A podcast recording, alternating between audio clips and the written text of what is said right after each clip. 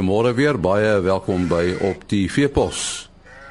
Ons uh, gesels nou met Johan van der Berg van Santam Landbou uit die aard van die saak oor die weer. Nou uh vandat ons laas gepraat het, uh, Johan het uh die manne nogal kwai droogte ervaar en maar intussen het dit nou op plekke gereën, maar die droogte is nog nie gebreek nie, nê. Nee. Uh as jy kyk die die laaste paar jaar se droogte wat nou hierdie jaar tot uiting omtrent gekom het saam met die El Niño se effek, uh, gaan daar baie reën nodig wees voordat die droogte gebreek word. Wat dan die laaste tyd gebeur het is dat oor 'n groot gedeelte van die land het dit begin reën. So dit lyk ten minste of die uiterste hoë wattegolf temperature gebreek is, maar daar sal moet baie, ek wil sê honderde millimeters voorkom voordat die gebreek gaan word. Uh net om uh, kom ons sê op te vang van wat die laaste paar jaar al gebeur het. En uh, vir al ons weidingstoestande, ek dink baie mense vergeet daarvan het al so die laaste klomp jare agteruit begin gaan. So daar gaan nie net reën nie, daar sal moet tyd en goeie bestuur ook plaasvind uh voordat die effek van droogte gebreek gaan word. En dis nou alles die skot van El Niño. Uh, El Niño het 'n groot effek, maar soos ek reeds genoem het, die laaste paar jaar het ons eintlik al onder gemiddelde reënval gehad of swak verspreide reënval in die seisoen. So daar was geen ondergrondse volg oor groot gedeeltes van die land nie. Uh en met El Niño se effek met hierdie uiterste hoë temperature, uh mense kan amper sê al is daar genoeg grondvol met temperature van 40 grade kan omtrent geen produksie plaasvind nie. So jy sê daar's 'n neiging uh, dat daar minder reën val. Sou dit deel van klimaatsverandering wees? Ek wil nie dit nie sê dis net klimaatsverandering nie. As 'n mens gaan kyk, is daar waarskynlik 'n baie groter sikliese effek. Uh jy kan gaan terugkyk in die geskiedenis. Ek het baie met reënval statistieke werk. Uh daar is siklusse, dis baie moeilik om te sê hoeveel jaar, maar daar in die 30er jare 1930s uh vroeg in die 1940s, dan in die 1960s, 4, 5, 66, ehm um, dan daar in begin tot middel 80er jare. Uh so hierdie is tipies van die klimaat in Suid-Afrika is dat ons 'n uh, reeks van droër en reekse van natter jare kry. En uh, die klimaatsverandering se effek kan ook 'n rol speel, maar ek wil amper sê dit is meer uh die klimaatsveranderlikheid rondom die langtermyn gemiddeld uh, wat veroorsaak dat ons hierdie droër toestande kry. En en soos ek reeds genoem het, droogte uh se effek kom eintlik oor 'n tyd en 'n mens kan nie sê die droogte begin op 'n sekere dag nie. Uh die op 'n sekere dag is dit net droog, maar dit het 'n lang aanloop en die El Niño se effek en dan waarskynlik is daar 'n effek van uh, klimaatsverandering ook by kom net saam en dan kry ons hierdie wil ek sê superstorm in, in wat betref die klimaat in landbou. Uh, jy, jy het al die N1 gebruik as 'n soort van 'n 'n skeidingslyn. Uh, hoekom sukkel die weste so teenoor die ooste? As mens gaan kyk na die reënvalpatrone, uh dan sien ons dat die ooste kant van die land uh kry die eerste reën in die land. So die dit brei uit alhoewel die volg hier uit die intertropiese konvergensiesone hier oor Botswana en hierdie gedeeltes kom. Ehm um, is die eerste reën gebeur na die ooste kant van die land. En soos wat die seisoen uitbrei of verder gaan, uh dan brei dit uit meer weste kant toe.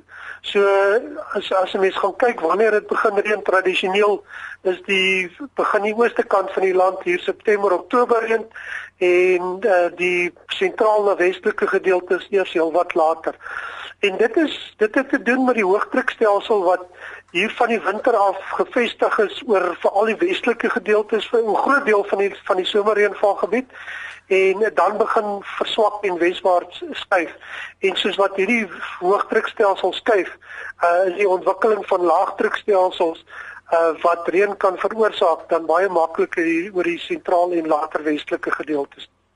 En dan het ons nou nog nie gepraat oor moontlike siklone in die uh, in die Indiese Oseaan nie, né? Madagaskar. Dit is gewoonlik ook 'n effek wat baie keer El Niño se effek ehm um, uh, dit anders vermaak. Ehm um, die probleem van siklone is dat hulle Desember maar veral Januarie, Februarie en Maart voorkom wat presies die belangrike tye is van uh, ons graanproduksie maar ook van ons ons weidingsgroei. As ons nou van jaar kyk, uh, die see temperature het hierdie laaste maand 6 weke uh, in hierdie westelike Indiese Oseaan teen ons ooskus het redelik gedaal. Dit was baie warm geweest uh, wat siklone kon veroorsaak het, maar dit was nog vroeg in die seisoen, water was nog nie so warm nie. Maar hierdie is nou die kritiese tyd. En tans lyk dit asof die see temperature hier na ons kant toe, na kom ons sê ek sê, sê ons kant na die Afrika kuslyn toe, begin om bietjie koeler te word, uh relatief teenoor nader na Australië wat positief is en nie soveel tropiese siklone behoort te veroorsaak nie. Nou nou sou mens kon sê ons het nou laat reën gekry. Gaan dit 'n bietjie langer aanhou in die seisoen? Uiters moeilik om te sê want hier is soveel effekte wat 'n rol speel. En mense hoop dat hierdie uh, die begin van die reën is en dat dit nie weer gaan ophou nie want dit het ook al in El Niño jare gebeur. So baie moeilik om te sê, maar waarskynlik is die reën net baie laat en die mense hoop nie hier hier's nou weer 'n onderbreking wat gaan plaasvind nie. Want uh, Februarie en Maart gaan uiters krities wees uh, vir graanproduksie, dit wat wel geplant is, maar veral vir ons weidingstoestande. So as ons nie nou gaan goeie reën en opvolgreën kry nie, gaan dit baie krities uh, wees om hierdie droogte voort te sit. Maar ons hoop dat hierdie die begin is van die reën. Dit lyk ten minste positief op die kort termyn uh en ons sal sien hoe loop dit dan vir die res van van die van die somer. Ja, sou mense kon sê dat uh, uh dat dit in 'n sekere sin 'n patroon gaan word dat dat 'n ou moet maar gewoond raak aan minderige reën en dat jy jou boerdery maar moet aanpas daarbey. En nie enige so een se voorspellings is seker ewe goed. Maar as ons gaan terugkyk in die verlede, het hierdie uiters droë toestande is opgevolg deur in die meeste gevalle deur nat tot baie nat toestande. So ek dink nie mense moet sê ons gaan in droër tye ingaan nie. Ons gaan waarskynlik in tye ingaan waar ekstremes groter gaan word waar die droogtes meer intens gaan wees, maar aan die ander kant laat vloede en en oormaat reën dalk ook meer intens kan word. En dis wat dit baie moeilik maak uh, uit 'n landbouoogpunt om te beplan vir hierdie goed. Maar die kans is baie goed dat ons nou in 'n natter periode gaan ingaan. Uh as ons gaan kyk in die verlede met baie sterk El Niños, het 'n klomp van hulle oorgegaan in nat toestande en selfs vloede. So ons gaan kyk 1972, 73 se El Niño uh, is opgevolg deur twee uiterste nat jare. 1987, 88 se El Niño Ons het ons al in Februarie 88 terwyl El Niño nog teenwoordig was, het ons al begin vloede kry. So baie moeilikheid te beplanningsoogpunt, maar dit lyk tog asof ons redelik aan die einde van 'n droër periode is. En so die El Niño het nou al begin verswak, nê? Nee? Hy het ongeveer so 10, 15, 20% wat hy verswak het. Die draaipunt was so einde November, uh, begin eerste helfte van Desember. So hy duidelik gedraai, daar is 'n draaipunt. Uh gewoonlik is daar nie 'n herontwikkeling wat plaasvind nie en ons hoop nie dit gebeur nie.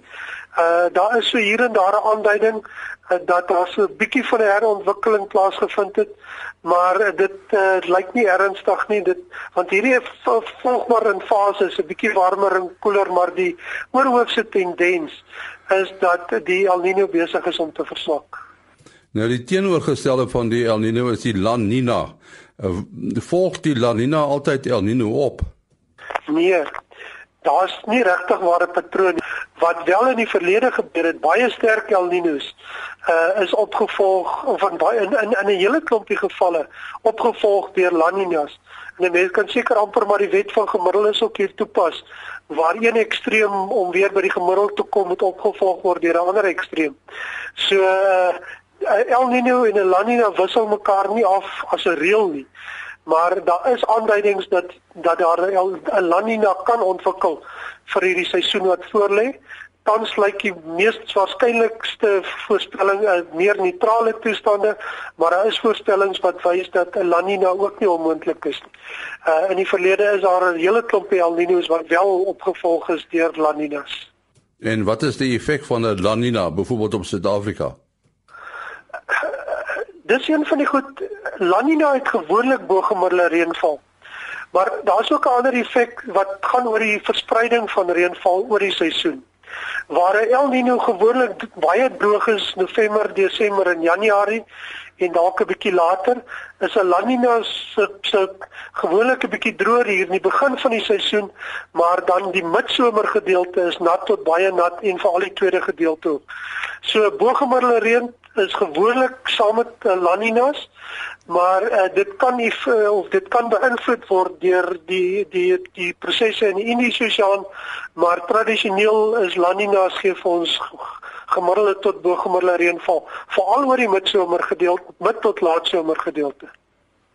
Net soos jy anders uh, Johan, is dit moeilik om weer te voorspel oor Suid-Afrika? Ek dink mens moet hier eers onderskei tussen weer en klimaatsvoorspelling. Jou weer is korttermyn en ek dink daar's baie gedoen uh en daar's baie metings wat die korttermynvoorspellings wat ons noem weervoorspellings baie verbeter het. Ons kan sien hoe stelsels inbeweeg, maar wat ons langer termyn betref, uh is die voorspellings nog uiters wil ek sê riskant en swak en baie baie moeilik om te doen uh, want hierdie is groot maatstelsels en dit gaan oor langer tye en die inligting is maar gebrekkig en maak ons hoofsaaklik maar gebruik van historiese inligting en nie regtig waar in tydse inligting nie. So wat weervoorspellings betref, dink ek het dit baie verbeter. Wat klimaats of seisoensvoorspellings betref, uh dink ek het dit oor die algemeen nie verbeter nie en dalk ook selfs verswak gegee die effek van klimaatsverandering wat nie hierby ingewerk kan word. Dit was uh, dan Johan van der Berg van Santam Landbou. Onthou op die veepos word elke weekoggend om kwart voor 5 hier op RC uitgesaai. Ons is maandagooggend om 4:45 weer terug. Tot dan, alles van die beste. Ah.